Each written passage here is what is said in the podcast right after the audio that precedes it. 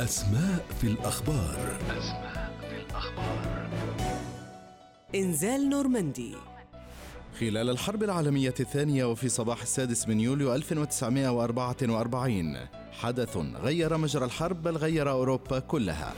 أكبر عملية اجتياح بحري في التاريخ بدأت بعملية تحرير المناطق الألمانية المحتلة شمال غرب أوروبا من قبل ألمانيا النازية وقد ساهم هذا في انتصار الحلفاء على الجبهة الغربية.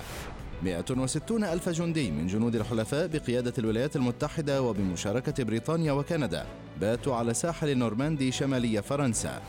إنزالات برمائية كانت الشرارة الأولى لبدء الإنزال الضخم حيث سبقها قصف جوي وبحري واسع النطاق والهجوم الجوي استمر لحماية الجنود. الألمان خدعوا لأنهم كانوا يتوقعون إنزالا في منطقة أخرى. ثلاثة ملايين جندي ثلاثة عشر ألف طائرة حربية 2500 سفينة حربية. آلاف الدبابات والأطنان من المعدات الحربية لتحقيق الهدف وهو تحرير فرنسا وأوروبا من الاحتلال النازي. مقاومة شرسة لحقها دعم بقصف جوي يقطع الطريق أمام ألمانيا لإرسال التعزيزات لشهور ونجحت الخطة بإرسال أكبر تعزيزات لتحقيق المراد. أسماء في الأخبار. أسماء في الأخبار.